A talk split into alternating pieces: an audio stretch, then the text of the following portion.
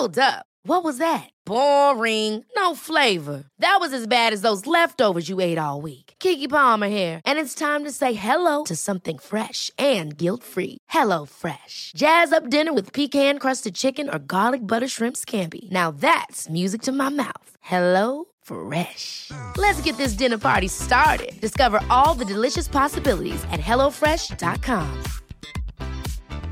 Hey, it's Ryan Reynolds, and I'm here with Keith, co star of my upcoming film, If, only in theaters, May 17th. Do you want to tell people the big news? All right, I'll do it. Sign up now and you'll get unlimited for $15 a month in six months of Paramount Plus Essential Plan on us. Mintmobile.com slash switch. Upfront payment of $45 equivalent to $15 per month. Unlimited over 40 gigabytes per month. Face lower speeds. Videos at 480p. Active Mint customers by 531.24 get six months of Paramount Plus Essential Plan. Auto renews after six months. Offer ends May 31st, 2024. Separate Paramount Plus registration required. Terms and conditions apply if rated PG. I'm Sandra, and I'm just the professional your small business was looking for. But you didn't hire me because you didn't use LinkedIn jobs. LinkedIn has professionals you can't find anywhere else, including those who aren't actively looking for a new job but might be open to the perfect role, like me. In a given month, over 70% of LinkedIn users don't visit other leading job sites. So if you're not looking on LinkedIn, you'll miss out on great candidates like Sandra. Start hiring professionals like a professional. Post your free job on linkedin.com/achieve today.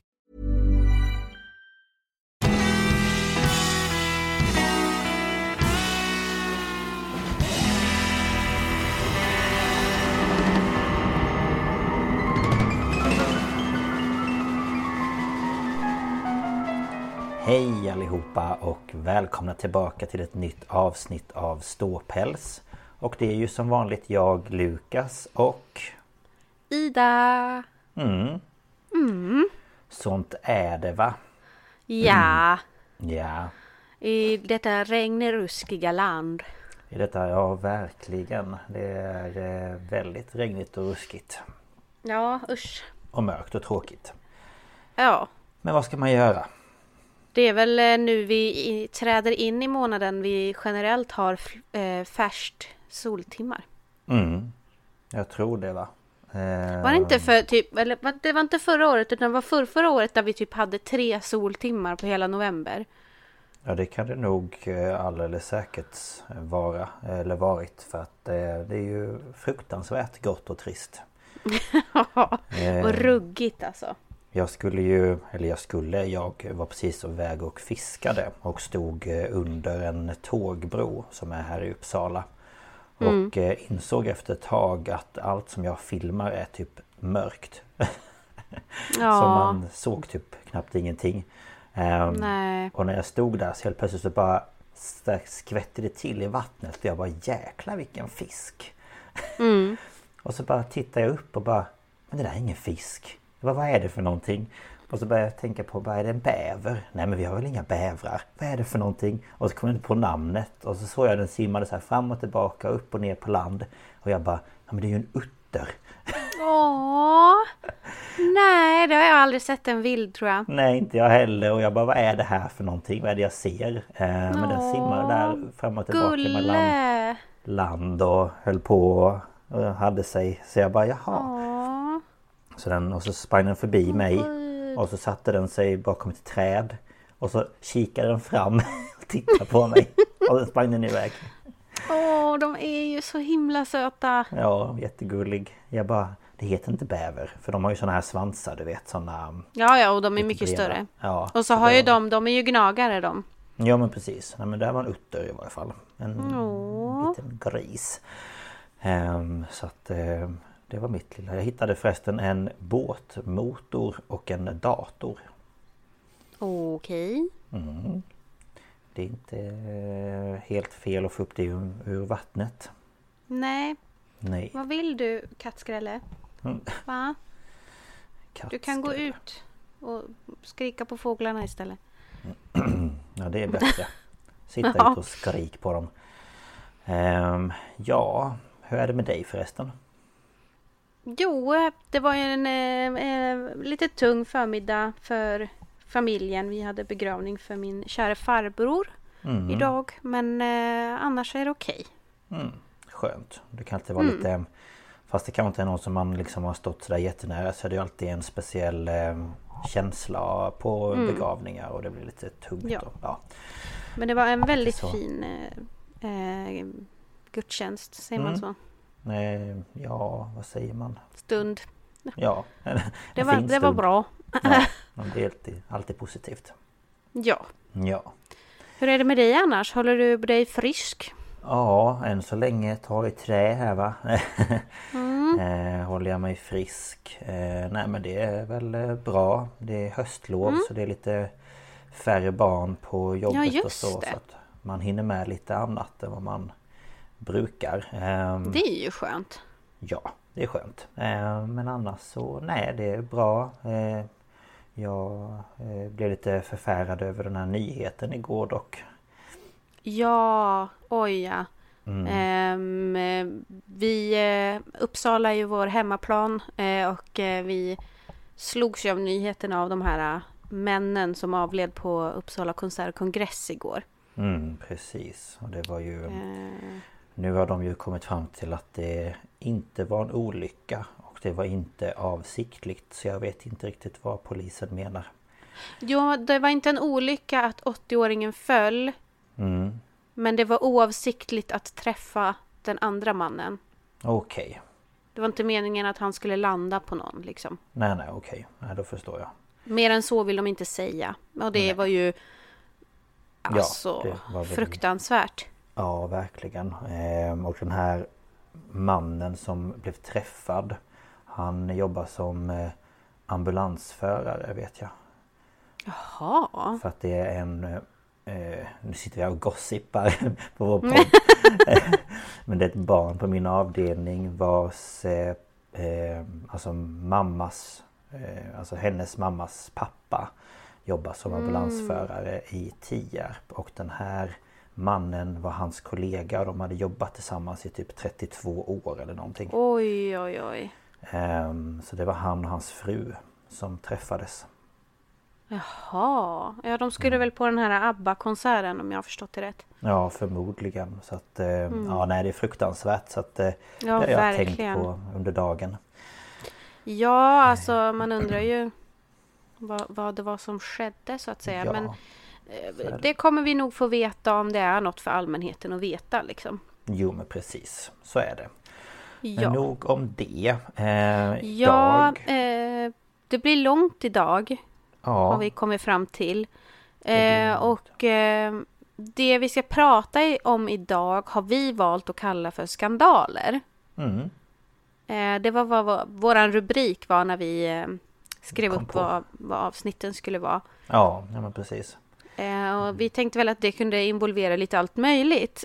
Mm. Ja, det finns ju medieskandaler och politiska skandaler och alla Ja. möjliga sorters skandaler så att säga. ja, eh, Eh, men eh, vi hoppas att de vi har valt ska vara till intresse. ja, det får vi väl hoppas. Ja. Men ska vi bara köra igång? ja, vi gör det. Det är lika bra. Ja.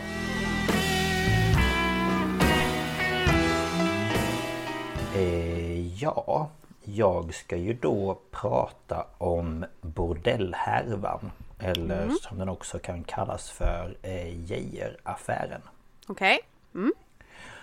Och eh, jag har tagit min fakta från eh, Therese Lindgren, hennes Youtube-kanal. Där har hon någon sån här, eh, vad heter det? Ja men eh, spellista med så här svenska skandaler. Ja, hon Och la ut var- eh, senast igår på sin Instagram för att det var någon som hade frågat om om det inte skulle bli några fler. Hon bara, nej men jag trodde inte ni tyckte det var så kul. Jaha. Eh, så hon kanske nej, ska ja. starta upp det igen för den som är Ja, hon satt där intresserad. och gjorde sin hudvårdsrutin medan hon pratade Ja, med ansiktsmasker det är sån och här- raka ansikte och... Det, var, det är som motsatsen till sån här get ready with me. Get unready Ja. with me. Ja men lite så. Men nej, det var roligt att titta på faktiskt. Hon, hon, hon är väldigt eh, skön att lyssna på. Mm, men det tycker jag. Eh, Så hon hade i alla fall den där då Mm. bordellhärvan. Och sen var det en annan Youtube-kanal som hette eh, GV. Alltså G-E-W-E. Mm. Eh, och då var det en dokumentär om bordellhärvan från SVT2. Mm. Och sen lyssnade jag på P3 Dokumentär om bordellhärvan. Mm-hmm. Och sen en artikel från en hemsida som heter Realtid och den hette eh, J- JK eh, som var justitiekansliet. Fick Mm. inte listan på alla namnen. Okej. Jag måste Och, bara, den eh, här eh, Youtube-kanalen som du sa hette GW. Du tror inte Ja. att det är GV? Jo, jag tror det. GV. Som, Som GV Persson. GV, ja. Ja, precis. Gud vad jag fattar sån här humor va? Ordvitsar. Ja, vad Wow. roligt. Ja, fortsätt. Ehm, ja. Eh, Och vi börjar den 18 november 1977. Och eh, då kommer det ut en löpsedel eh, som chockar Sverige.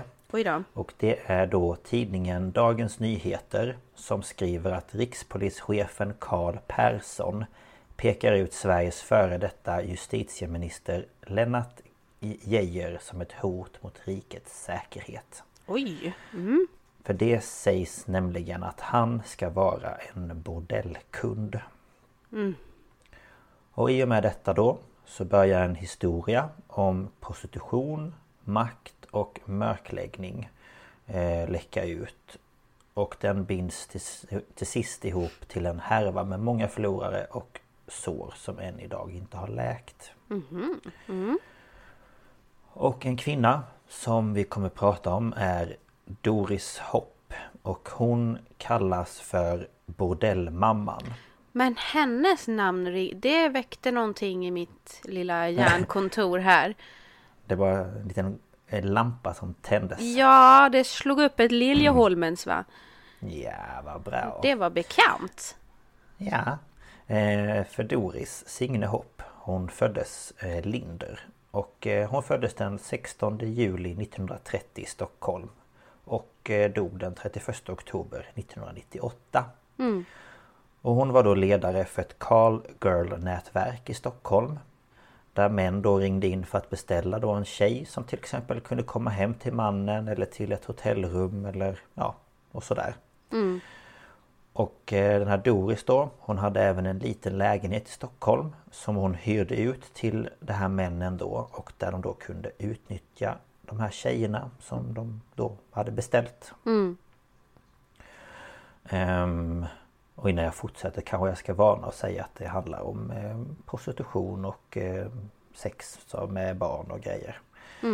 Så har man svårt för det så Ja, får man eh, hoppa över detta. Okej, ja.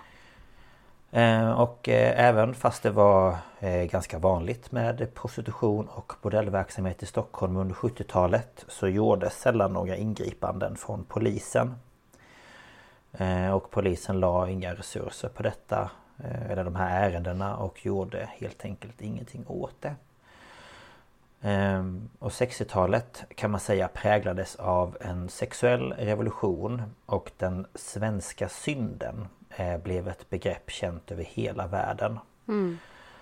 Och man införde obligatorisk sexualundervisning i skolan och eh, det kom en ökad tillgång av preventivmedel och kvinnlig frigörelse utmanade de gamla moralen kring sex. Och man började då även göra informationsvideos som då ifrågasatte synen på erotik och eh, debatten om sex och samlevnad blev allt öppnare. Och år 1969 så tillsätts Lennart Geijer som justitieminister. Och han var då ledande när det kom till att lätta på lagarna om pornografi och censur. Och det gör då helt enkelt att eh, det pornografiska utbudet snabbt blir större och tidningar lockar då med bland annat eh, strippor och liveshower och massage av alla dess former. Mm-hmm. Och i Stockholm så fanns det vid den här tiden 200 bordeller som i sin tur då ledde till organiserad brottslighet. Ja. Så det var lite så här om eh, ja, vad som hände då efter 60-talet. Att det blev väldigt eh, ja, Sex blev liksom en helt annan grej än vad det var förut. Och eh, en av de här tjejerna som fastnade i Doris nätverk det var en kvinna som heter Eva Bengtsson. Och eh, år 1974 så var Eva endast 14 år gammal. Eh, och mellan juni 1974 till december samma år så bodde Eva och hennes kompis på ett ungdomshem i Bromma. Och eh, en dag när Doris och hennes kusin var på en fest Nej, en dag Doris, jag menar när Eva och hennes kusin jag hade skrivit Doris av någon anledning ja. eh, Var på en fest så kom Doris dit och lockade in Eva och hennes kusin i hennes bordellverksamhet mm. eh, Och hon lockade då genom eh, så här lyx och pengar och droger och alkohol Och eh, på 70-talet så var det ju liksom till och med lyxigt att åka taxi. Ja. Så det lockade ju även hon med. Och innan Eva själv hann förstå vad som hände så var hon då fast i den här bordellen. Mm. Och eh, Eva hon växte upp i Stockholm och hon beskriver sig själv som ett lyckligt barn. Eh, men när hon var 12 år så skilde sig hennes föräldrar. Och det här ledde då till att hon fick problem i skolan och hon började skolka. Mm. Och, och en liksom effekt av det här var då att hon började testa alkohol och droger. Eh, hon rymde ofta hemifrån och till slut då så hamnade hon på ett ungdomshem. Okej.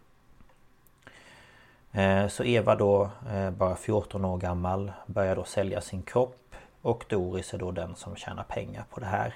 Mm.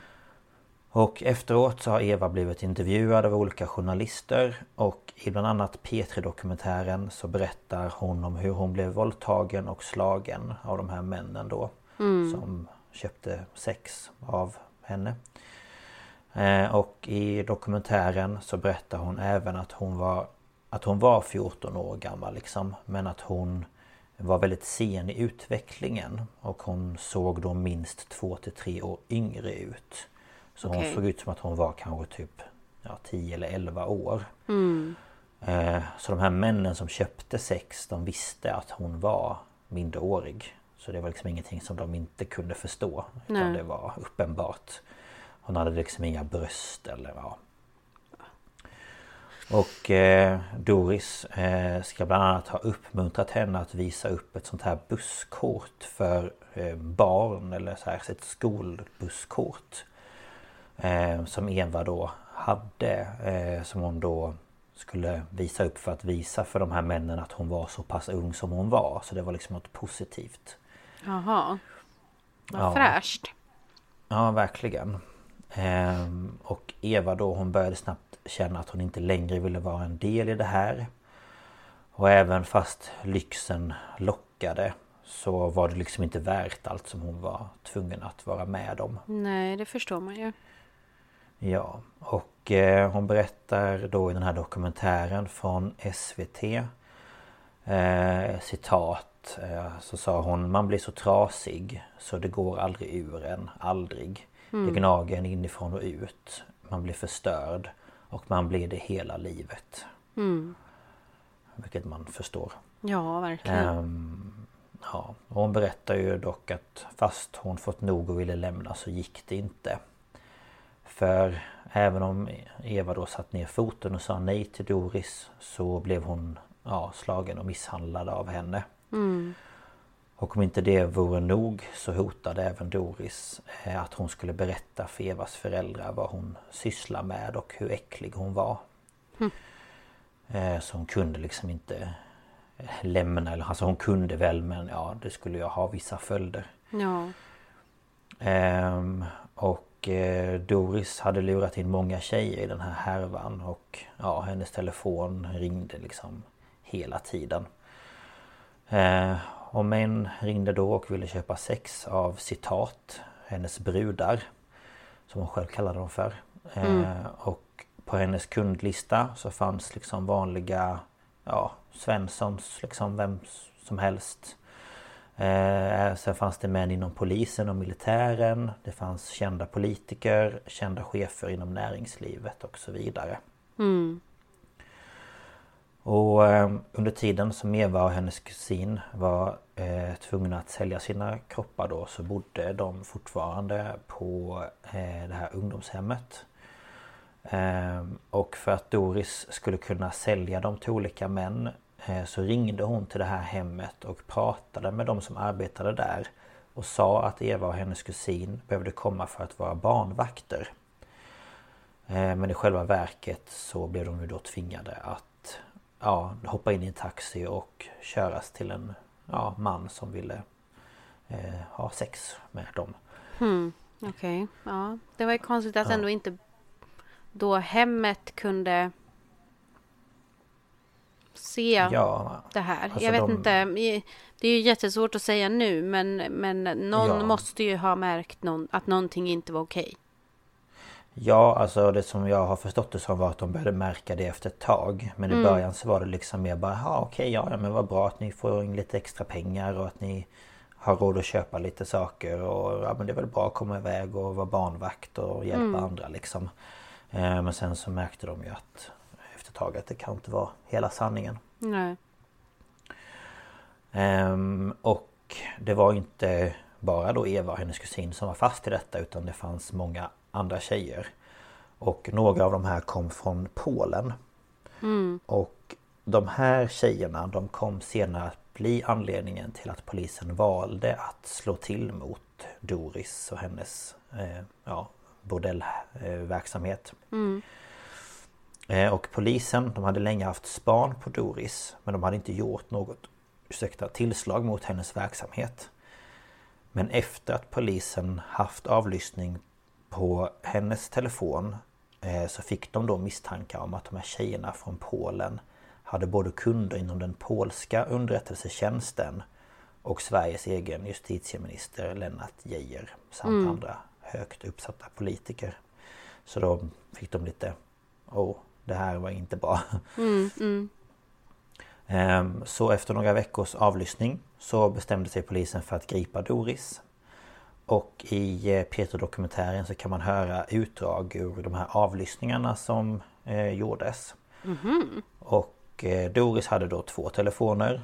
Och i de här kan man då höra hur hon pratar med männen som då ska köpa sex. Om hur tjejerna såg ut. Ja. Och då ringde männen alltså och gjorde en beställning. Och Doris beskrev då de här olika tjejerna. Och då kunde det till exempel vara att någon tjej hade stora knän Vilket jag inte förstår. Okej. Okay. eh, Japp, eh, att någon var smal eh, Eller att de var tjock eller bla bla bla. Och hon pratade om deras rumpor och om deras bröst och Det känns ju även... mer logiskt än knän. Ja, men, men det var typ någon... Du välte, han välte min mikrofon. Jaha. Han skulle gosa med den. Ja, ja. Nej men, ja, det, känns men ju, alltså... det känns ju mycket mer logiskt att beskriva någon så här. Hon är lång, kort, små bröst, stora bröst än hon har fula knän. ja men det var typ någonting hon i den här dokumentären att Ja jag har sett henne naken och hon såg ut som en plockad fågel. Nej, men. Eller någonting. Hon har stora knän och eh, Ja hon är stor i käften och jag vet inte. Ja. Ska du säga hade jag sagt. Ja jo verkligen. Ehm, och hon berättade då även om de var lätta att ha att göra med och så vidare. Mm. Och när då männen hade lagt sin beställning eh, Som då innehöll vilken tjej de skulle ha, vilken tid och på vilken plats Så tog då Doris den andra telefonen Och ringde då upp den här tjejen och berättade var hon ska vara då vid vilken tid. Mm. Och så höll det på sådär. Eh, och polisen eh, grep Doris i sitt hem och hon åtalades för grovt koppleri och eh, dömdes till slut till två års fängelse. Och inte mer? Nej. Och åklagaren valde att hålla alla männens namn hemliga och rykten menar på att det beror på att hans eget namn ska ha varit med på listan. Aj då. Ja. Eh, och eh, under den här tiden så var det inte olagligt att köpa sexuella tjänster Men Nej. det var ett allvarligt brott att ha sex med eller sälja barn eh, För sex då, alltså mm. otukt med barn mm. Men med hjälp av sin försvarare så lyckades dock Doris komma undan det här åtalet Och polisen hade inte heller försökt hitta de andra tjejerna som då skulle kunna ha vittnat Nej. Och det fanns ju därför inte tillräckligt med bevis för att döma henne på den punkten. Och när andra åklagare ifrågasatte varför man inte försökt hitta de här tjejerna så sa man att det inte hade gått att hitta. Men i själva verket var det nog så att många inte ville att de här berättelserna då skulle komma fram. Mm -hmm. Eh, och det var därför bara Doris som dömdes och inte en enda man vittnade eller dömdes för det här. Nej. Ehm, och eh, när Säpo fick vetskap om Doris modellverksamhet på grund av då de här polska tjejerna så ansåg man att deras kopplingar till den polska ambassaden och den svenska justitieministern kunde utgöra ett, en stor risk för rikets säkerhet. Eh, Så den dåvarande rikspolischefen som jag nämnde förut, Karl Persson, han skrev en eh, hemlig promemoria, alltså ett PM till statsministern Olof Palme. Eh, Där han då förklarade att eh, trots att det inte fanns några säkra bevis för att Lennart Geijer köpt sex så borde han, ans- eh, borde han eh, ses som en säkerhetsrisk. Och eh, Olof Palme då som hade fått det här PMet ville inte att det här skulle ställa till det för kommande val. För att det var ju snart eh, riksdagsval. Ja. Så eh, rikspolischefen föreslog att de skulle sätta in en kommission som skulle utreda om de här misstankarna som då fanns kring Lennart Geijer var sanna eller inte. Eh, men Palme han valde dock att inte göra någonting. Nej. Eh, För han tänkte om det inte kommer komma ut till allmänheten så kommer det förhoppningsvis glömmas bort. Ja. Men problemet var bara att en eh, journalist vid namn Peter Bratt hade kommit över information om det här PMet och publicerade då den här artikeln som jag nämnde förut i Ja. Dagens Nyheter. Okej. Och den som hade lämnat informationen var ingen mindre än Leif GW Persson. Nämen. Nämen, nämen. Nämen, nämen. Han var i farten redan då ja. Mm. Ja, ja du vet alltså. Ehm, och GV han jobbade vid den här tiden eh, nära rikspolischefen. Och det var då därför han fått reda på att den här eh, PMet fanns. Okej. Och GV har senare sagt att han är säker på att Geijer var inblandad i Doris bordell. Ja, han är ju inte den som är den. Han kan ju outa människor höger och vänster. Han bryr sig inte. Gud ja, nej nej nej. Och eh, GV han har även skrivit en fiktiv bok som heter Grisfesten. Och den handlar om en justitieminister som är inblandad i en bordellhärva. Nej, men så sneaky. Ja, man får inte vara dum. Nej, verkligen inte. Nej. Eh, och eh, i och med att den här artikeln då når ut till allmänheten så börjar man ju undra varför det här inte har utretts. Och varför det inte funnits någon kommission. Så redan dagen efter så går Olof Palme och Lennart Geijer ut och förnekar allt. Ja, det är väl klart. Ja. Det är inte som att de början- skulle erkänna något. Nej. Verkligen inte. Till en början så förnekar de till och med att PMet ens har existerat. Men efter ett tag så säger det att det finns men att allt som står inte är sant. Och de sa även att det skulle vara helt galet om en minister var med i en bordellhärva och att allt bara var rykten och lögner. Det är väl klart att det är galet om en minister är med i en bordellhärva. Men det betyder ju inte Ja. att det inte är sant. Nej, precis. Det är helt galet. Det är ju orimligt. Ja, det är orimligt. Ehm, och eftersom då Palme och Geijer förnekade allt det här så vändes blickarna istället mot Peter Bratt som då gjorde den här artikeln. Ja, ja. Och man menade på att eftersom han aldrig hade sett PMet själv utan bara fått informationen från då GV så fanns Ja. det inte tillräcklig information att skriva en sån där artikel. Nej, nej, okej. Eh, nej. Eh, Så därför så stämde man Dagens Nyheter som då fick betala skadestånd till eh, Geijer. Jaha. Och det här ledde också till att GV fick sparken eftersom han fört Jaså? den här hemliga informationen till media. Ja, ja. Ja, ja, så det var efter han fick sparken som han skrev den här boken. Ja, jo. Det Ja, förstår jag ju. ja, jo. Jaså. Alltså jag tror, hade han sagt något sånt där nu, då hade det varit 100% sanning för alla. Ja, ja, ja. ja. GV sa det, GV sa det, det, det är sant. Det är lika sant som när man har läst något på internet. Ja, typ. Det är lite så. Nej, men GV han, han vet allt. Det är så är det bara. Ja, men lite så. Ja, nej, men det är ju lite... Ja. Eh, lite så är det. Ehm, och eh, Palme som då tillsammans med Geijer förnekat allt som hänt lyckades då göra så att den här skandalen inte blev så stor som den hade kunnat bli. Och valet som då var på eh, gång genomfördes och eh, Palme förlorade. Han blev inte statsminister återigen. Nej. Istället så blev det Torbjörn Fälldin Ja, som blev just det. Mm. Och eh, han hade då sagt att han skulle avslöja alla namnen på listan över misstänkta köpare. Mm. Men eh, det är alltid ett men vet du. Ja, ja, ja, ja. Det är politiker vi snackar om här. ja, det är ju det. Får vi någon Eh. gång ett rakt svar? Nej, det är Nej. lite diffust sådär. Eh, Men kort tid efter valet så ändrade han sig. Såklart. Konstigt, va? Nej men gud, sa jag det? Nej, det minns inte jag. Nej, det har jag aldrig sagt. Nu, Eh, nu lägger du ord i munnen på mig. Ja. Barry. ehm, frågan den togs nämligen upp i riksdagen år 1978. Och då påstod Fälldin att allt bara var en lögn. Nej men, Och anledningen till detta var att hans eget namn nämligen stod med på listan. nej, lägg av. Det var bara valfloskler alltihopa. Ja gud ja, han bara nej men rösta på mig så kommer jag avslöja allting och sen bara nej det tänker jag inte Psyk, alls göra." jag tänker inte säga något för jag står med. Nej, det gör jag inte alls. Jag sa inget. Nej, det stämmer inte. Det är stort fel.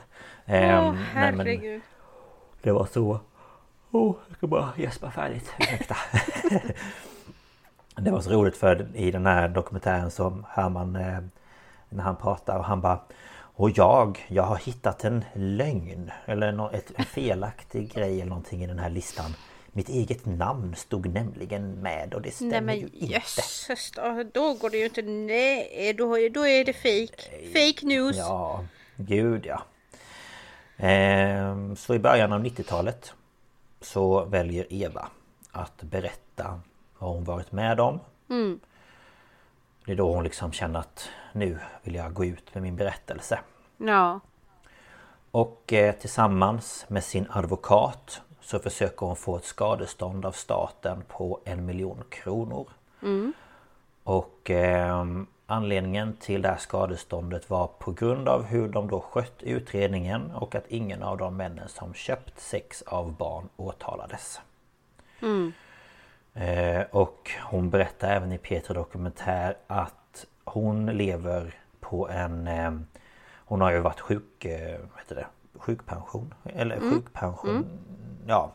Så hon har en pension på, jag tror det var 5800 kronor i månaden. Oj, oj, oj. Och det är det hon liksom lever på. Och så Ja. fort hon ska ha liksom firat jul med sina barn eller någonting så har hon försökt få ut fonder och olika bidrag och allt möjligt för att ens kunna liksom göra någonting. Ja. Och hon bara de här pengarna hade betytt så mycket för mig och min familj. Ehm, och ehm, Eva och hennes advokat de lyckades få till så att det här ärendet öppnades igen. Ja. Men det stängdes lika fort igen då man ansåg att ärendet var preskriberat. Så att det avslogs. Så hon Mm. Det var det jag var lite orolig för. Mm. Ja. Och än idag så är det ingen av männen som har dömts för detta. Det är Nej. bara Doris. Och jag hittade faktiskt den här eh, vad heter det? ansökan eller vad det heter som eh, de skickade in till staten. Eh, som jag bara tänkte läsa.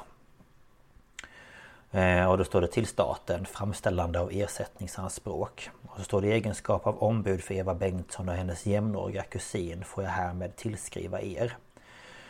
Eh, Eva och kusinen utnyttjade sexuellt i den av Doris Hopp bedrivna koppleriverksamheten på 1970-talet. Flickorna var då endast 14 år. Koppleriverksamheten har rönt stor uppmärksamhet från tid till annan. Åt åtskilligt har skrivits om händelserna som ofta går under namnet bordellhärvan.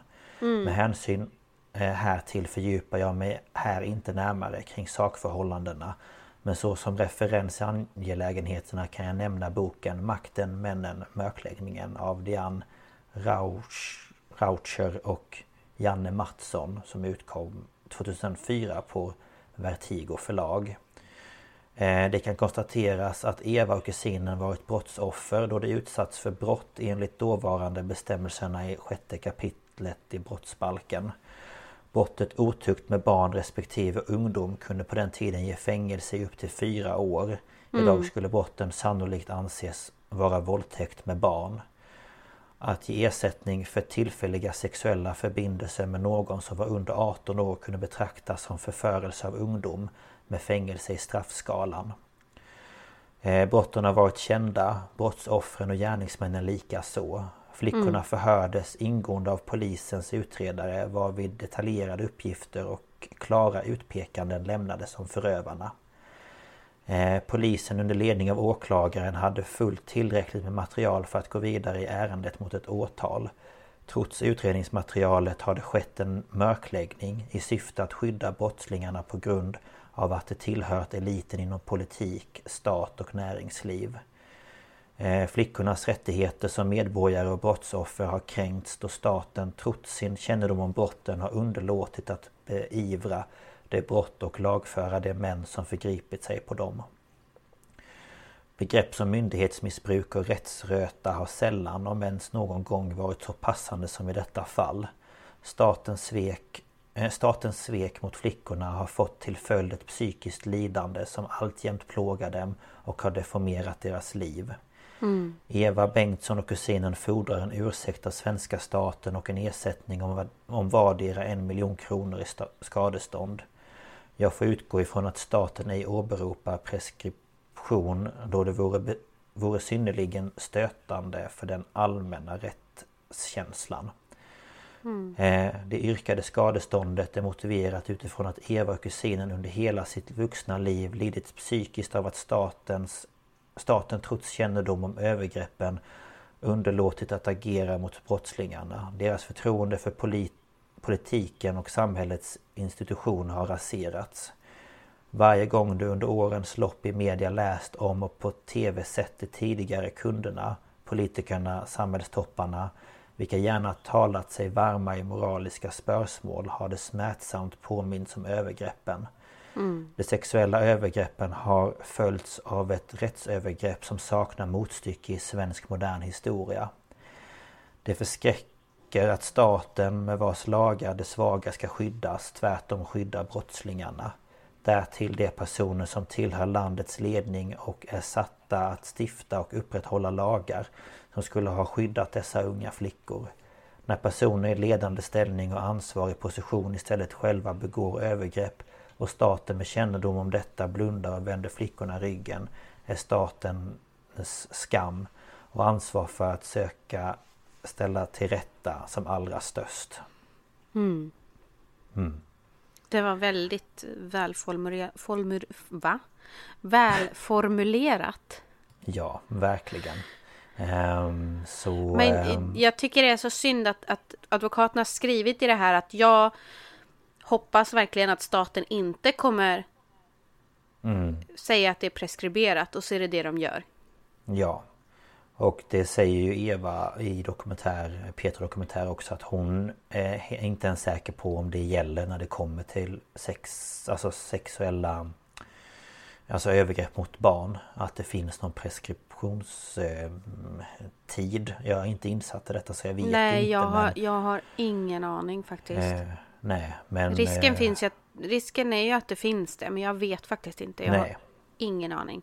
Nej, inte jag heller. Så jag ska inte uttala mig för Men mycket. jag kan, men det är jag kan tycka hemskt. att det inte borde finnas, men Mm. Nej, jag vet inte men eh, man tycker ju bara att någonting borde hon väl kunna ha fått liksom. Alltså ja.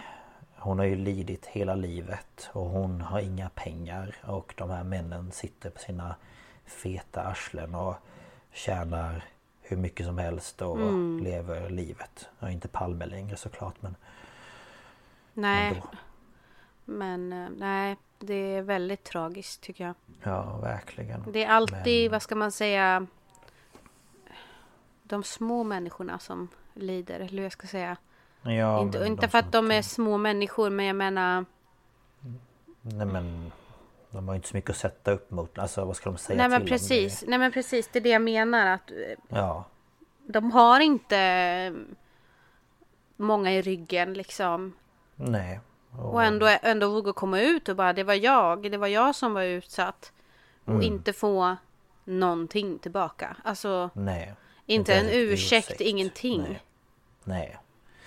Nej, det är fruktansvärt. Mm. Ehm, Så att eh, vi får väl se vad som händer. Hon sa att inte hon skulle sluta fortsätta och få upprättelse. Men vi får väl se. Mm. Eh, Så det var allt för mig. Ja det var intressant, jag känner inte till så mycket om det här. Nej, nej jag jag, lärde mig också lite jag har ju hört tal, man har ju hört talas om det men eh, Mm. Jo precis, så är det. Ja, ja, nu är jag intresserad av att höra vad du har att erbjuda. ja det är väl bara vi eh, skuttar vidare.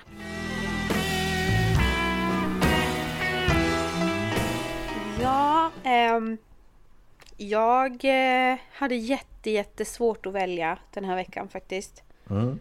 Ehm, och så tänkte jag eh, först att jag skulle prata om eh, rasbiologin och Rasbiologiska institutet. Ja, just Ehm, det, ja. Det ligger ju i Uppsala.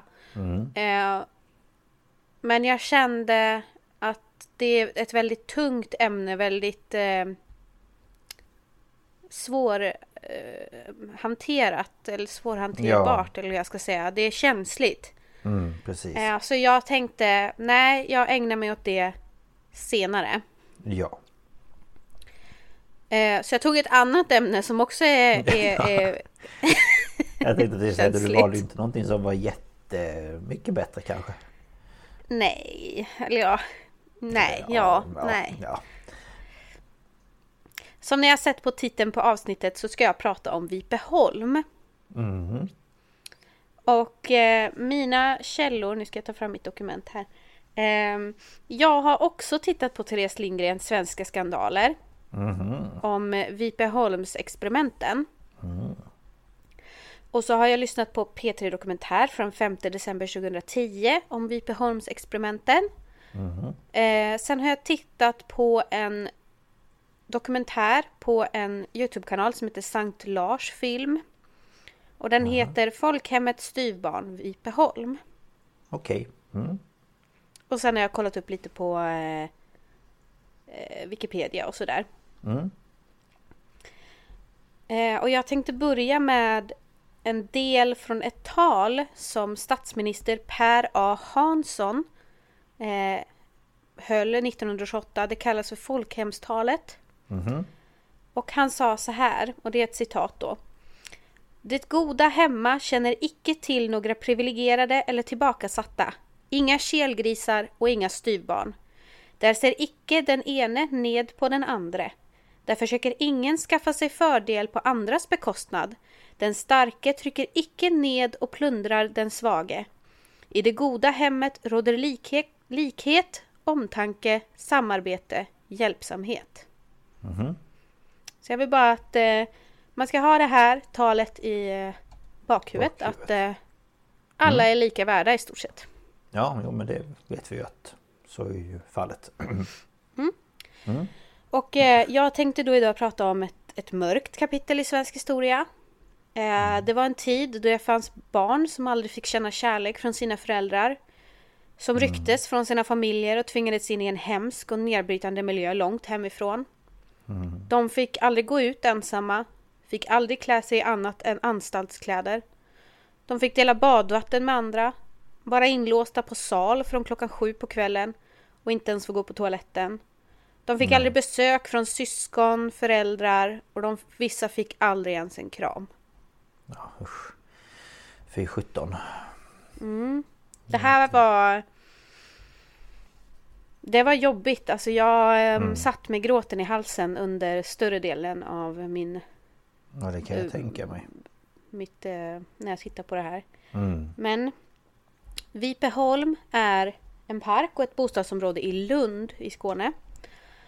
Och det här området var då det byggdes under första världskriget tänkt som ett re eh, regemente. Och den 14 juni 1907 så tillsattes arméns kasernbyggnadsnämnd. Och de här fick i uppgift att slutföra byggnationer av 15 kasernetablissemang till infanteriet. Och år 1919 så stod en kasern avsedd för två kompanier färdigt. Men det avbröts. ehm, och man väntade då på kommande försvarsbeslut. Och i 1925 års försvarsbeslut så beslutade man att Södra Skånska infanteriregementet istället skulle förläggas i Ystad. Eh, så att eh, då eh, lämnar man ju det här och de byggnaderna som stod färdiga kom under en tid att utnyttjas som nödbostäder för att Lund var drabbat av bostadsbrist. Millions of people have lost weight with personalized plans from Noom, like Evan, who can't stand salads and still lost 50 pounds.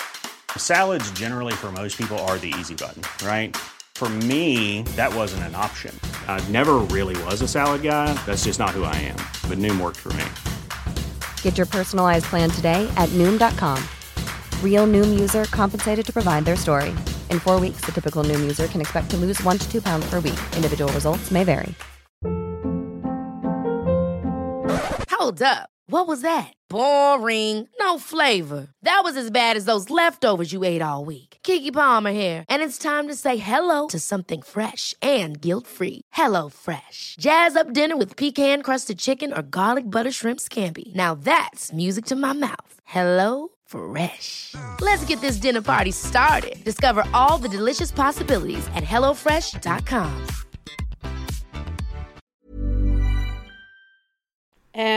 Men 1930 så återupptar man färdigställandet av det här. Men eh, kasernerna kom inte att nyttjas till armén. Utan eh, det blev då istället Vipeholmssjukhuset. Okej. Och eh, staten beslöt att gö- göra om området till en vanföreanstalt som man kallar det. Eh, Lund hade sedan tidigare ett sjukhus och ett mentalsjukhus. Eh, vanföreanstalt var en institutionsvårdsform i, från slutet av 1800-talet fram till 1960-talet. Och det här var i stort sett då eh, till för vård av barn med svåra rörelsehinder. Okej. Eh, och de här institutionerna hade först ingen offentlig finansiering utan dre- bedrevs bara genom välgörenhet. Ja, okej. Eh, men det ändrades ju senare. Och eh, man hade då ja, men, ortopedisk behandling och vissa hade även så här, yrkesskolor och så. Eh, och det var väldigt tydliga så här, rangordningar och liksom ja, så. Lite som eh, vad heter det? Uh, vad heter det? Boarding schools, vad heter det? Ja, ehm, ja men när man är så här typ prefekter och grejer. Ja, men precis. Alltså man får tänka lite så. Ja. Eh, en av de mest kända av de här eh, anstalterna var Eugeniahemmet i Stockholm. Men eh, tillbaka till Vipeholm. Vilka skulle man då inhysa här? Och tanken var då att man skulle så kallat då gömma undan personer med eh, som man då sa utvecklingsstörning, förståndshandikapp med beteenderubbningar och så kallade hopplösa fall. För att vid den här tiden så fanns ett väldigt starkt mo- modernitetsideal i Sverige. Allt liksom skulle vara rent och snyggt, det skulle vara raka gator, rent och man, man ville få ett avstånd från det tidigare lortiga bondesamhället. Liksom. Och det är väl en fin tanke att man ville ha ett, ett, ett, ett välstädat samhälle. Men det här är ju skevt för att man såg ju inte bara samhället som smutsigt utan även då personer, individer. och eh, vid den här tiden pratade man också mycket om gener, raser och degeneration och liksom så. Så i praktiken fanns det alltså icke önskvärda individer. Ja. ja För det- att om man, om man tittar på liksom det gamla bondesamhället, då har ju varje individ en nytta. Även om du är född utan ben så kan du fortfarande sitta och karda ull eller Mm. Även om du inte har världens intellekt Men du har en välfungerande kropp så kan du göra, du kan jobba på Någonting. åkern, alltså allt sånt här. Ja, ja. Så att oavsett ålder eller funktionsvariation så hade du, du, du var nyttig. Ja. Ja. Men i takt med industrialiseringen och moderniseringen så försvinner ju de här. Man börjar ha mer maskiner och så vidare. Mm. Och då kommer ju de här önsk, önskningarna om att gömma undan människor. Ja. Eh, och en överläkare som heter Hugo Toll sa citat Det är uppenbart att de friska i befolkningen ökar och de svaga minimeras. Det är i de allra flesta fall en skam, en stor skam, att vara sjuk och svag. Att man lyckas få en mängd svaga barn att överleva är inget tecken på kulturellt framsteg. Nej. Nej, Nej, okej. fint sagt. Mm, verkligen. Samtidigt så, nu kommer det in som jag pratade om att jag tänkte ta, för det här rasbiologis, den rasbiologiska ideologin sveper in i samhället. Mm. Och förut så, eller ja, det är väl också viktigt, men förut så var det liksom så här, det är viktigt att du föds in i en fin samhällsklass. Okej. Och liksom, då är man ju fint folk. Ja. Men, men rasbiologi, rasbiolog, jag kan inte prata, rasbiologiska ideologin menar ju att det är viktigt att man föds med rätt gener. Mm. Där har vi ju nazisterna och allt det här med ariska rasen och, Mm. och allt det här. Och man, man, kun, man enligt eh, de här rasbiologerna så liksom de kunde mäta skallen och säga liksom om du var dum eller smart eller du eh, Och då hade jag varit jävligt alltså dum. allt sånt här. Ja. Alltså allt sånt här. Ehm, och de som då man, man då kallade sinnesslöa hade då helt enkelt fel gener och man såg dem som ett hot mot välfärden. Och ju tidigare i livet de kunde liksom skickas till en anstalt och gömmas undan desto bättre. ja. För då syntes de inte. Eller fanns Nej. inte. Nej, precis. Syns inte, finns inte. Nej. 1915 så beslutar, beslutar också Sveriges riksdag att man skulle förbjuda sinnesslöa att gifta sig. Gifta sig. Och ja, Ja, ja. Och eh, det här förbudet omfattade också epileptiker. Jaha. Och det var då ett resultat av den här rasbiologiska forskningen Okej. som bedrevs i landet och då främst har vi ju då Rasbiologiska institutet i Uppsala. Mm. Ehm, och att jag säger sinneslöja är för att det är den terminologin man hade då. Det är ingenting jag använder idag vill jag bara säga. Ja, nej, nej, nej. Det förstår jag. Eller vi. Eller jag. Eh, förbudet då skulle se till att sinneslöja inte skulle få barn och då kunna sprida sina dåliga gener. Men det som hände är ju bara att fler barn föds utom äktenskap. Mm. Och då blir ju bara problemet större. Ja, såklart. Och det som är galet är att det här förbudet fanns kvar ända in på 70-talet. Oj. 1934 så kom en ny lag gällande den här gruppen i samhället och det var att man skulle kunna tvångssterilisera dem. Mm, just ja. Och fram till 1975 så uppskattas det att omkring 60 000 individer tvångssteriliserades i Sverige. Ja. Och jag har ett eh, fantastiskt citat av Alva och Gunnar Myrdal som båda var politiskt aktiva i Socialdemokraterna om jag inte minns helt fel. Det är ju ändå Myrdal känner man ju igen. Ja, jo det tycker jag att jag ringer en klocka. De sa så här. Åter och åter träffar vi på stora kullar av barn till imbecilla mödrar, där hela skaran måste underhållas av det allmänna. Det gäller den bottensats av psykiskt undermåliga individer vars fortplantning det är ett samhällsintresse att förebygga. Wow. Ja, Det här är alltså människor som, som då var, politiker. var eh, politiker, högt uppsatta politiker. Ja. Ja, det är väl fantastiskt. Eh, föräldrar då som, som eh, fick barn med någon slags funktionsvariation, de blev ofta övertalade av sjukvårdspersonal att lämna ifrån sig barnen och då liksom skriva in dem på någon anstalt och då, nu har jag ju Vipeholm det här då. För att de menade att syskonen då kunde fara illa eftersom all moderns uppmärksamhet skulle gå med, till det här barnet med en funktionsvariation. Och att då de friska barnen, som man sa då, skulle hamna i kläm. Okej. Och när barnen väl kom till en anstalt så fick man bara knapphändig information om liksom ja, men hur de mådde och hur det gick och så vidare. Ja. Och när de kom till Vipeholm så fick de lämna ifrån sig alla sina personliga tillhörigheter inklusive kläder eftersom alla skulle ha likadana kläder.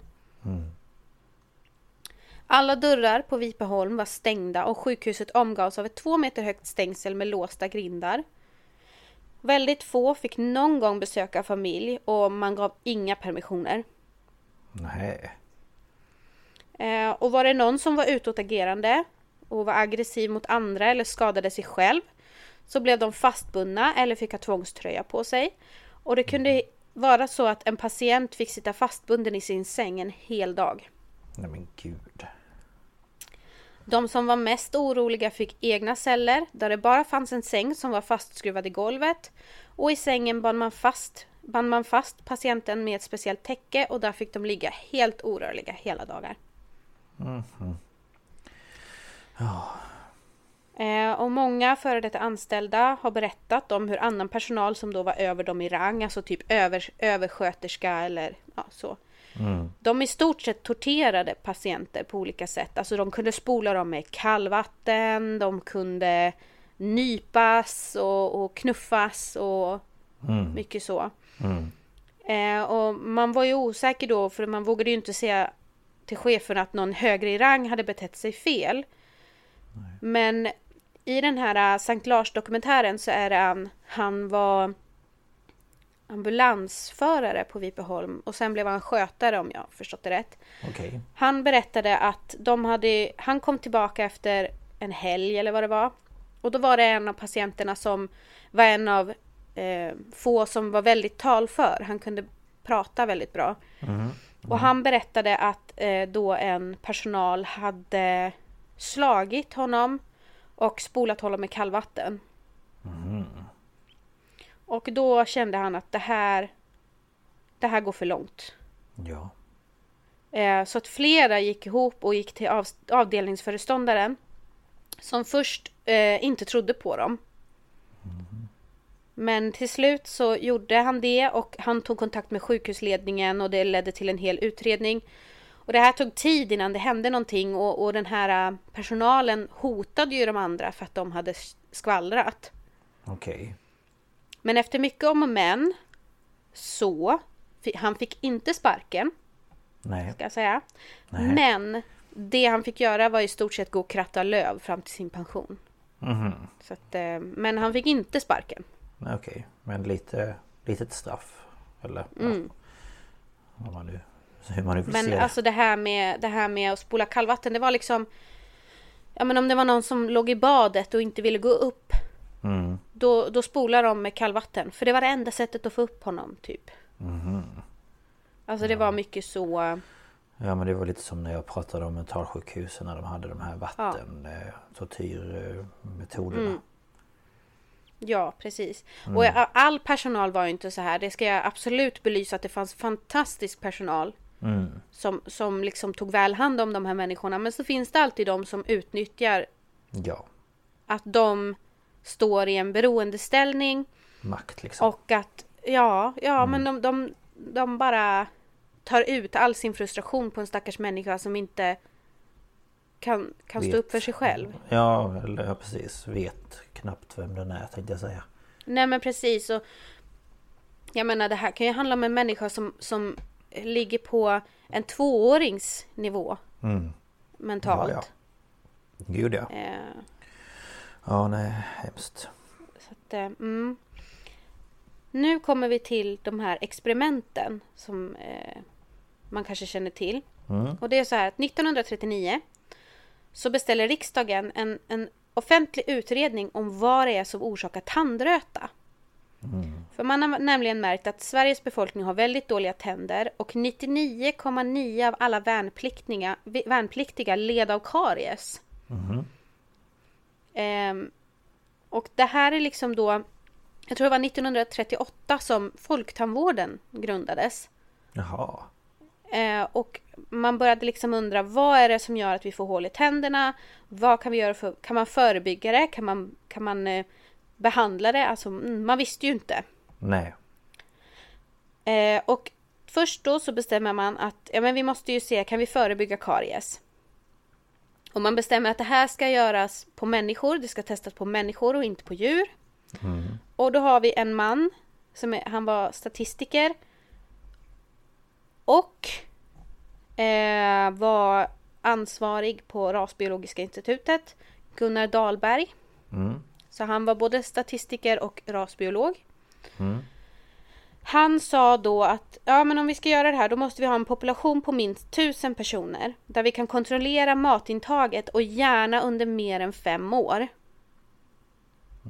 För att man då ska få Du måste ha tillräckligt stort urval av människor och du måste ha en, en lång period för att då kunna följa de här. Ja, okej. Och i andra länder har man då försökt med barnhemsbarn, intagna på fängelser, militärer, patienter på vanliga sjukhus. Men det här funkar ju inte för att eh, ja, men, patienter eh, blir friska och flyttar ut. Ja, Eh, intagna kanske blir frigivna. precis. Barnhemsbarn är ju tänkt att de ska få hem och flytta. Militärer är ju sällan på samma ställe väldigt länge. Ja, nej. Eh, Så att eh, det funkar ju inte jättebra. Det var inte så långvarigt och då blir inte resultaten tillförlitliga. Nej, såklart. Eh, Och man funderar då vad, vad ska vi göra istället? Och då är det någon som liksom Ah! Men vi har ju en väldigt stor population på Vipeholms sjukhus. Mm. Och där kan man ju kontrollera exakt vad patienterna äter. Många blev ju matade till och med. Ja, ja. Och de är ju tänkta att de ska ju i stort sett stanna där tills de dör. Mm. De ska inte lämna. Nej. Så då åker man ner och träffar eh, chefen som också är överläkare. Han heter Hugo Fröderberg. Och han är då ensam liksom högsta ansvar för de tusen patienterna. Och så frågar man, skulle din in, eh, institution vilja vara värd för det här experimentet? Och man lägger fram det som att det här kommer ju vara prestigefyllt. Vi ska ju bana väg här för tandvården och forskningen och det är ju svenska riksdagen och medicinalstyrelsen som, som vill ha det här. Och åh, det skulle ju lägga hela Vipeholms sjukhus och dig eh, Liksom, du skulle ju hamna i framkant, inte bara i framkanten av forskningen utan vi kommer ju definiera forskningen. Okej. Och han bara Ja. Yes please. ja. Ja, tack. Jättegärna. Jag menar alltså egentligen vad skulle han säga? Ja, nej, alltså visst. De lägger ju fram det som liksom Bästa, once wow. in ten lifetime experience liksom. Ja, men typ. Det är väl en forskares dröm att slå igenom. Precis! Mm. Och, och, och, bidra och ri, riksdagen ville ha det här. Oj, oj, oj, oj, oj. Ja, ja, ja. Så att han säger ja. Mm. Och det han också då tackar ja till är två halv, eh, halvtidsöverläkartjänster. Alltså två personer som då ska jobba halvtid. Som kommer att hjälpa honom att hålla efter patienternas hälsa. För att man måste ju hålla full koll på, eh, går de upp i vikt, går de ner i vikt och allt sånt här. Eh, och för att de inte ska ta skada av experimenten och ha det i åtanke kan jag bara säga. Ja, jo, jo, ja. Mm. Ja. Det man då liksom hade som teori inför den här undersökningen var att socker är en bidragande faktor till karies. Det här är ju självklart för oss idag, men det var inte det då. Nej. För att man hade då sett att under krigstid när socker ransonerades, då minskade ju kariesangreppen hos befolkningen. Så de frågorna man nu hade då var, vad orsakar karies och hur förebygger man karies? Det är liksom eh, grundtanken här då. Ja, ja. Så 1944 så kommer forskarna till Vipeholm och då ska de lämna kära, lämna kära, va? Nu ska de lämna Lära känna Lära känna sitt Ja. material som man då kallar det. Det är alltså patienterna. Ja, material. Wow. Mm, ja men det, det är, det är sådana Det är totalt eh, avhumaniserande begrepp. Exakt. Exakt. Ehm, för att de måste ju då liksom lära sig att hantera de här människorna. Eh, de måste ju lära sig kom- kommunicera med dem. Många kan ju inte prata, några kan prata lite. Och, och de är ju mer eller mindre vana vid mänsklig kontakt, alltså beröring. Och många var ju också strykrädda för att de har ju fått stryk av personal. Ja men såklart. Eh, så att först, hela första året går ju bara ut på att de ska lära känna de här och att inte få fingrarna avbitna vid undersökningen av tänderna. Ja just det, ja. Eh, så att mm, vissa patienter fick man ju ge lugnande medel och man hade också så kallade bitklossar då som man satte i munnen på dem.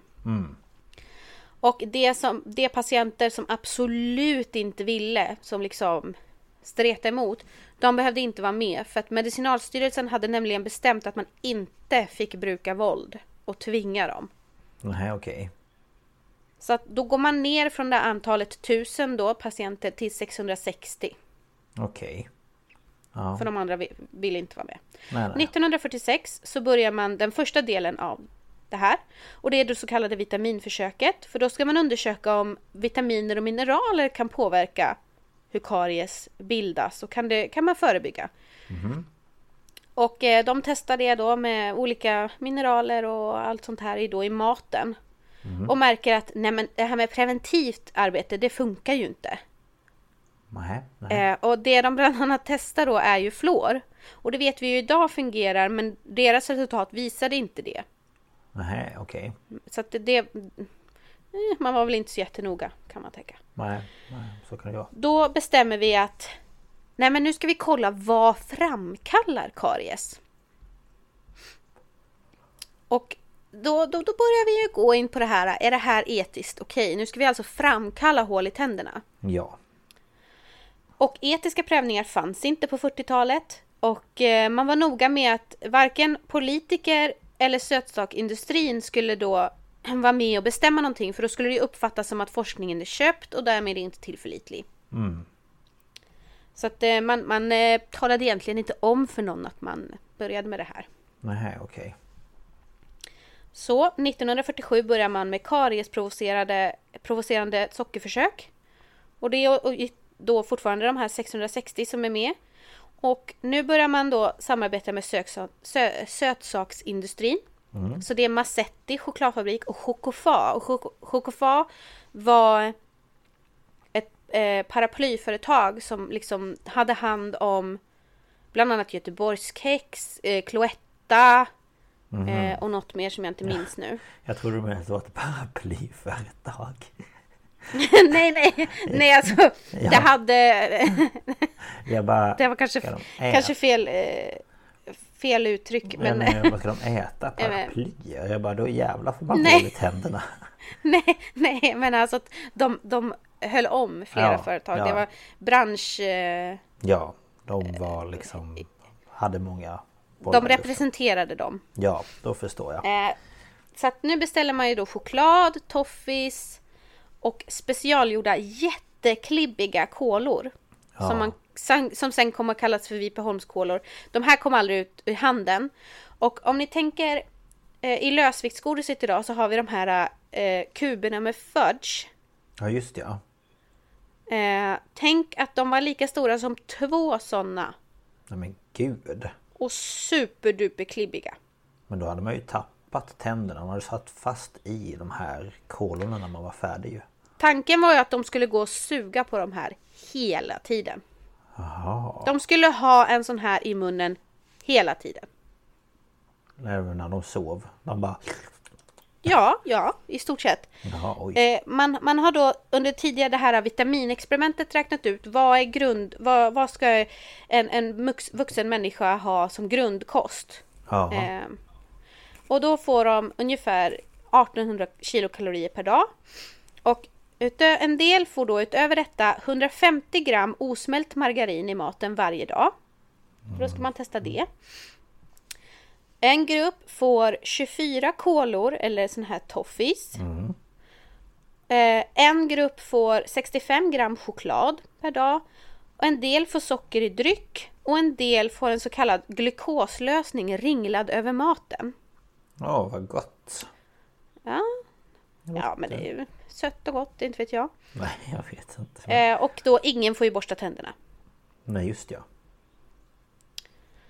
Och eh, efter ett år så eh, gör man då en liten sammanfattning. Man håller då koll på de här människorna.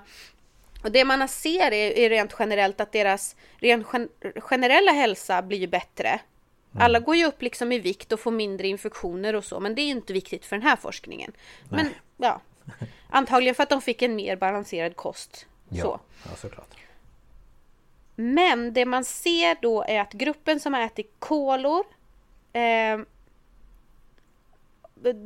22 kolor om dagen och gruppen som har fått 24 toffis i kombination med glukos ringlat över maten de visar en oroväckande kariesstegning. Och det här är ju jättebra, det här är precis vad de vill ha. De, nu ser vi här då. Då det, här, det här, det är jättebra. Nu, Ja. nu vet vi vad som orsakar hål. Ja, Det som dock börjar hända är ju att patienterna tröttnar ju på de här kolorna. Och de börjar smuggla dem till andra avdelningar. ah.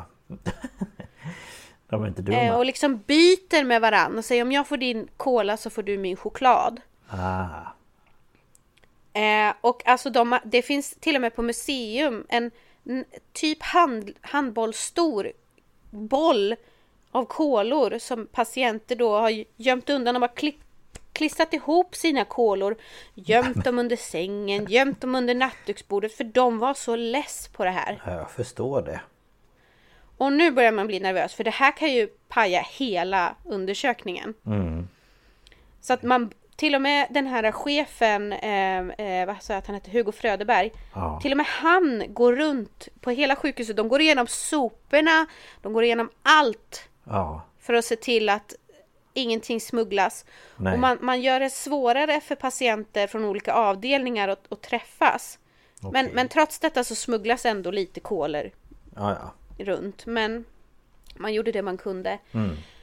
Nu får Medicinalstyrelsens generaldirektör J. Axel Höjer höra om det här och han tycker inte att det här är etiskt. Och han menar på att det här kan ni, ni kan inte fortsätta utsätta de här för karies. Och forskarnas svar var jo, det kan vi visst. För att det är ännu inte statistiskt eh, säkerhetsställt att det är sockret som orsakar det. Utan, så vi måste fortsätta i ett halvår till. Jaha, ja, men vad bra. Perfekt. Och nu blir ju de här preliminära... Oj, jag satte i halsen. Nej, ingen fara. De här preliminära resultaten gör ju sötsaksindustrin väldigt nervös. För de vill ju inte att det skulle komma fram att det är dåligt att äta godsaker. Nej, såklart. Så de ber ju forskarna att kan ni, kan ni liksom undersöka med en normal mängd? In, ingen äter ju liksom 24 kolor per dag. Nej. Nej. Så då går man ner så att en, någon grupp får testa 6 till 8 kolor. Och så fortgår un, eh, undersökningen i ytterligare två år. Och mellan 1948 och 1952, alltså fyra år, så bidrar sötsaksindustrin med 400 000 kronor. Det är dubbelt så mycket som riksdagens anslag. Det är 436 kilo karameller, jäklar. 20 000 kilo toffee, 8 258 kilo cola och 1 300 kilo choklad till ett sammanlagt värde av 80 000 kronor. Och det här är liksom då tidigt 50-tal. Ja, 80 000 kronor. det är mycket mer än vad det är idag så att säga. Ja. Ja, herregud vad mycket. Men då trots eh, sötsaksindustrins förhoppningar så visar det sig att det är farligt att äta godis och speciellt sånt som är klibbigt och fastnar i tänderna. Och eh, godistillverkarna blir skitförbannade. Eh, och det är känsligt att komma ut med det här för att de här fabrikerna det, det, var, en- det var en stor industri och det var, var ju många jobb. Ja, Så det här var ju, det var ju känsligt. För de hade ju hoppats på då de här ägarna till fabrikerna att de hade hoppats på att man skulle komma fram till en ofarlig mängd godis. Eller kanske till och med något ofarligt godis. Och de kände att Medicinalstyrelsen i stort sett hade lurat dem. okej. Ja, Eh, Men det som man kommer fram till är ju att jo, men det är okej att äta godis. Men kanske inte varje dag. nej. Och därför har vi lördagsgodis. Ja. Lördagsgodis. Det känner vi säkert alla till. Lördagsgodis. Mm. Det är eh, en del av den här ut, eh, undersökningen som bidrog till att vi sa så. Mhm. Så en dag i veckan då är det okej? Ja, sätt i dig hur mycket du vill men bara en dag i veckan. Ja okej, ja men då så. ja. Eh, om vi tar de här patienterna då. Så alla hade ju karies eh, och vissa har ju då tandläkarskräck. Och eh, de vill inte låta sig behandlas, de är rädda för borren helt enkelt. ja. Så det man fick göra var ju att dra ut många tänder. Mm. Även om det bara var lite karies. Så att deras tandstatus blev ju väldigt dålig. Mm. Och 17 av de här patienterna, av de här som blev tvungna att delta, de fick sina tänder totalt förstörda. Men gud. Och alltså, jag jag måste ju lägga tryck på att inga av de här hade ju den förmågan att faktiskt säga ja, jag vill vara med. Nej men precis. Det var, det var ju inte det, de hade ju inget samtycke i det här. Nej nej nej. Och jag menar man vet ju själv hur ont det gör att ha ett hål. Ja, Eller någon liksom nerv i tanden som håller på att jäklas med. men alltså det här är ju, de hade ju liksom ända ner i tandroten, ner i pulpan. Fy fasiken. Alltså tänderna ruttnade ju. Ja, de måste ha haft så ont. Ja, men tänk dig själv att tvingas, tvinga, bli tvingad att ha en kladdig kola i munnen hela, tiden Ja, i, i år. Och inte kunna borsta tänderna. nej. Och nej fy fasiken.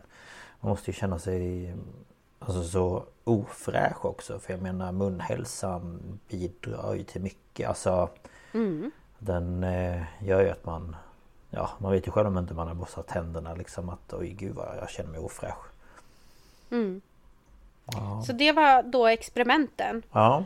Eh, och sommaren 1953 så tar en ung student sommarjobb på Vipeholm. Han är politisk akt, politiskt aktiv och han tycker att den här behandlingen som patienterna utsätts för är rent av skamlig. Mm.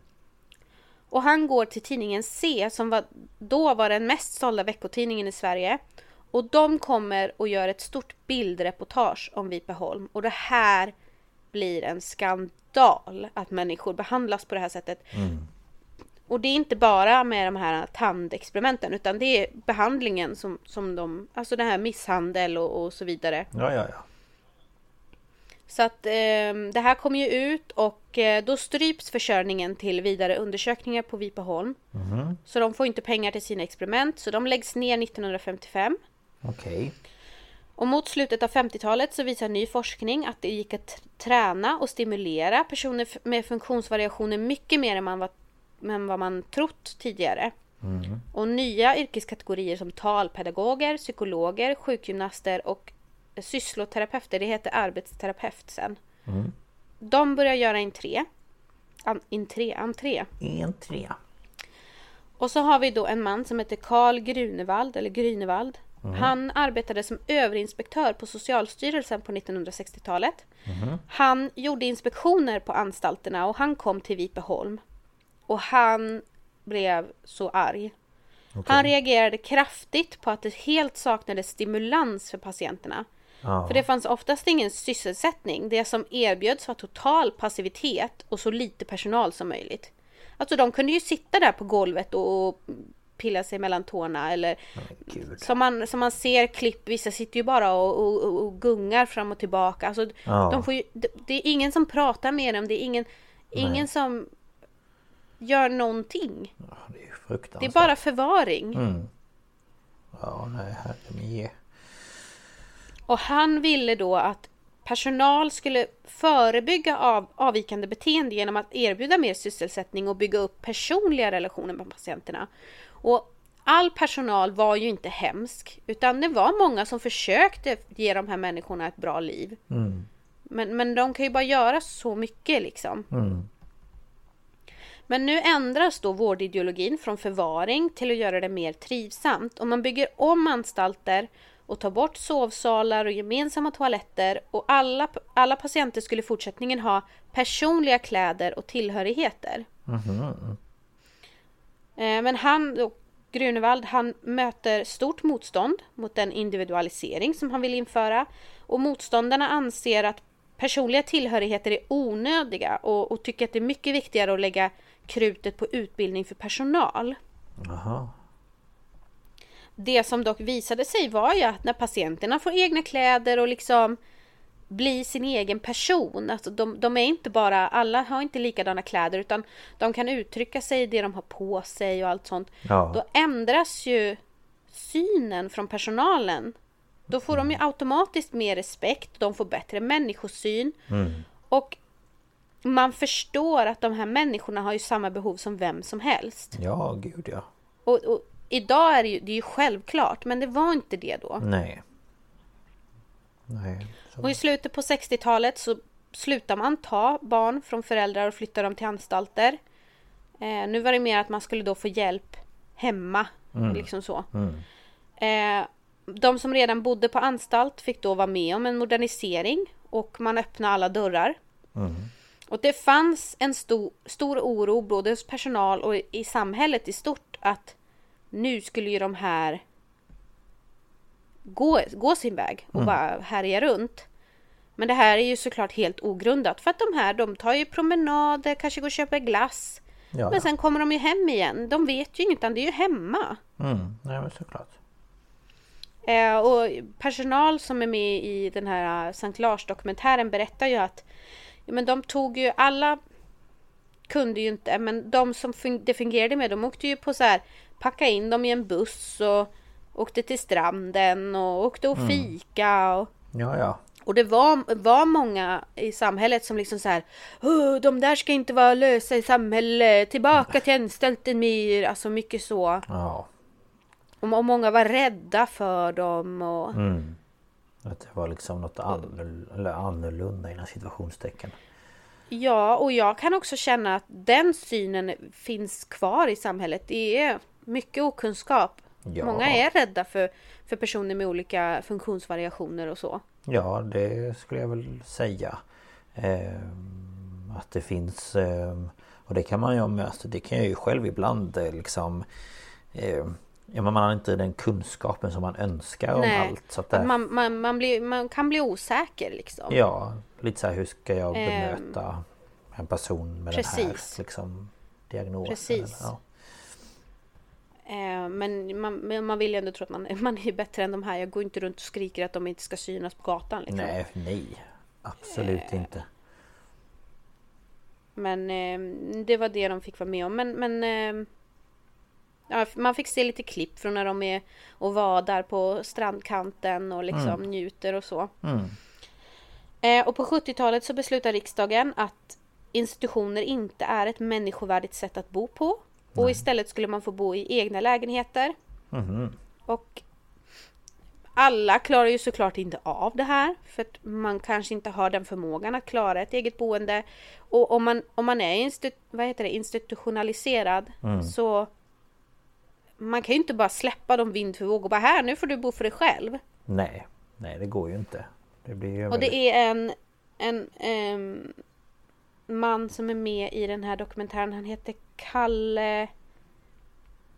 Ja, nu tappar jag hans namn. Han har varit med På spåret vet jag. Kalle... Han berättar ju... Han berättar ju att ehm, det var många av de här människorna då som skulle bo på egen hand som faktiskt frös och svalt ihjäl för att de visste ju inte hur de skulle klara sig.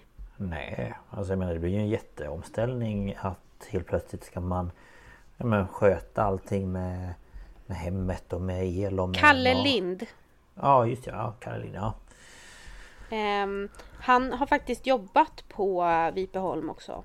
Eh, och han, hade kontakt, han blev kontaktperson eh, för en ehm, från Vipeholm. Jaha. Eh, så att han är väldigt insatt och så. Han berättar ju att i hans ögon så var inte den här totala öppningen att de skulle få bo precis som alla andra var inte 100 procent eh, för att man brydde sig om deras välmående utan det var mer att man skulle sänka kostnader och för att det skulle se bra ut på papper. Mm. Typ. Ja, såklart. Men på Vipeholm i alla fall så startas ju dagliga verksamheter som skola, terapi och andra sysselsättningar. Alltså snickeri och väveri och allt sånt här för de som bodde kvar. Mm. Och 1975 så avskaffas ehm, eh, som då första anstalt i Sverige tvångsmedel i behandling. Eh, att man inte får tvinga någon att bli behandlad för någonting Nej. avskaffar man. Och eh, 1982 så stängdes de flesta avdelningarna utom ett par gruppboenden som blev kvar ytterligare ett decennium på Vipeholm. Och sen så har, har det gjorts om och det är nu mer en gymnasieskola som heter Vipan. Mhm. Hm. Så Ja. det var historien om Vipeholm. ja, spännande. Och hemskt. Mm. Ja, verkligen. Ja, jag har ju lyssnat på Petra-dokumentären för länge sedan men... Eh, Mm. eh, ja, det är galet vad man kan göra med andra människor liksom. Bara för... Ja, bara för att de Forskning. inte har förmågan att säga nej. Ja. För... Så, så tar man den makten att kunna göra vad man vill. Mm. Jag tycker det är... Det är galet. Nej. Alltså man fick ju se bilder och klipp och alltså Mm. Det är så fruktansvärt hur man utnyttjar en, en sån utsatt grupp. Mm. Ja, nej det är helt, helt galet. Det... Och just det här att det var så känslokallt. Att de, och alla, som sagt, alla var inte det. Många personal försökte ju göra det bra. Mm. Men det räcker Men ju tyvärr inte om inte alla är... Tyvärr är ju det, det som syns mest är ju det dåliga, så är det ju. Ja, och... Men det, det var eh, bland annat en sköterska och den här mannen då som var ambulansförare. Mm. De ville trycka på att det var inte bara dåligt och det fattar jag. Nej men såklart. Men jag tänker att handlar det om, eh, vi säger att det är eh, säg 100 anställda säger vi och eh, eh, 10 eller 20 stycken är bra. Ja men då alltså Mm. Då blir det övervägande dåligt. Mm. Och även om det skulle vara tvärtom, att det är tio stycken som är dåliga. Så är det ju fortfarande tio stycken som är dåliga. Precis. Så att eh, Och även då hos patienterna så är det ju det dåliga som kanske sticker ut mest. Ja, visst är det det. Nej men det, ja nej. Man är ju glad att eh, hela det här tankesättet och allt sånt där har liksom förändrats med tiden och att eh, det Mm. faktiskt eh, är bättre idag även om det säkerligen Mm. finns eh, Och det är ju fortfarande inte jättebra nej, precis, alla gånger för, för de här människorna. Ja, att det fortfarande Men, finns. eh, men vi har ju större förståelse Mm. och liksom kanske inte så jättemycket allmän, kuns allmän kunskap om, om det här men, men det är ju bättre. Ja, visst är det det. Vi gömmer ju inte undan dem. De, får ju, de har ju, vi har ju såna här eh, jag vet inte om man kallar det för gruppboenden men när de, där de får bo liksom Jo men lite grupp. tillsammans Ja. och de, de har kunnig personal som liksom är utbildad inom sjukvård och så vidare Mm. som kan hjälpa dem. Och att de, de får ju gå på bio, de får göra vad de vill. De Ja. får äta ute på restaurang, de får gå och handla. Göra vad Det är de, inget, de är inte för. inlåsta liksom. Nej, det är bara liksom där de bor. Och, de, och det är inte alla, vissa bor ju med sina föräldrar eller, Mm. eller liknande. Liksom. Alltså det, de tas inte ifrån alla. Nej. Och, Det är den delen jag tyckte var så hemsk. Ja. Och som ett exempel eh, Min eh, mamma jobbade på eh, kommunen där jag växte upp för några år sedan. Mm. Och eh, lagade mat till alla som var anställda där. Så mellan Mm. 8 och 12 varje dag så kom det ett gäng från ett gruppboende och skulle hjälpa till. Och Mm. då fick de hjälpa till att duka och servera mat och lägga upp mat och sådär. Mm. Och det var ju då ja, men, med Downs syndrom och andra funktionsnedsättningar som då skulle Mm. komma ut och alltså en sysselsättning. Men det var liksom. deras... Istället för att de skulle jobba så var det liksom deras aktivitet för dagen. Precis. Så då kom de var, alltså, ja, måndag till fredag. Några timmar om dagen. Ja. Ehm, så att eh, ja, det, ja, det är oftast väldigt vanligt att de får jobba på något café eller hjälpa till att packa upp på någon affär eller liksom. Mm. Men det är så att de får vara ute och socialisera sig. Alltså Mm. jämfört med vad med människor på, på 30-talet och tidigare var med om så är det ju Ja, fantastiskt. Gud ja. Verkligen. Men allting kan ju alltid bli bättre. Ja, Men så så, länge allt. vi inte går tillbaka till det här så är jag, jag nöjd. Ja, gud nej. Det får vi väl ändå hoppas. Men Mm. ja, nej, det var väldigt spännande och det tackar Mm. vi för. Ja, det var så lite, så lite. Ja, så det var det vi hade att bjuda på idag. Ja. Och vill du berätta var man kan nå oss någonstans? Ja, absolut. Man kan eh, skriva till oss på mail. Det är staphalspodcast gmail.com eh, Eller så tycker jag att man går in om man har Instagram. Så ska man gå in och trycka på följ. Och eh, där kan man skicka PM till oss eller kommentera på någon av bilderna eller om vi lägger ut en video eller liknande. Vi brukar lägga ut lite saker som har med avsnitten att göra eller information eller ja, lite så. Mm. Så att eh, där kan man höra av sig om det är någonting man vill kommentera angående ett avsnitt eller vill tipsa om någonting eller Ja. vad som helst. Precis, helt rätt. Mm. Och eh, vill vi eh, berätta nästa veckas eh, ämne? För jag har det här framför mig. Om du har det framför dig så absolut. Yes. Nästa vecka så eh, bjuder vi på svenska fall. Oh. Eh, ja, och eh, vi får väl se vad vi kommer välja för någonting. Eh, det kommer ni ju Mm, märka. det blir lite true crime. Ge lite true crime. Eh, Mm. Så eh, det ska bli spännande. Eh, Ja. Så tack för att ni har lyssnat. Mm. Och eh, Tackar tack. ha det så bra. Så Ja, det får ni ha det. ja, så hörs vi nästa vecka. Ja, Ja. hej då! Hej då!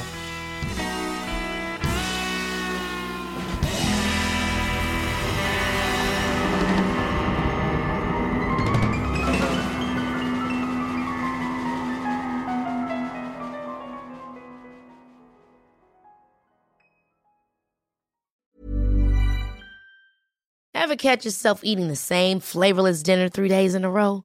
Dreaming of something better? Well, HelloFresh is your guilt free dream come true, baby. It's me, Gigi Palmer. Let's wake up those taste buds with hot, juicy pecan crusted chicken or garlic butter shrimp scampi. Mm. Hello Fresh. Stop dreaming of all the delicious possibilities and dig in at HelloFresh.com. Let's get this dinner party started.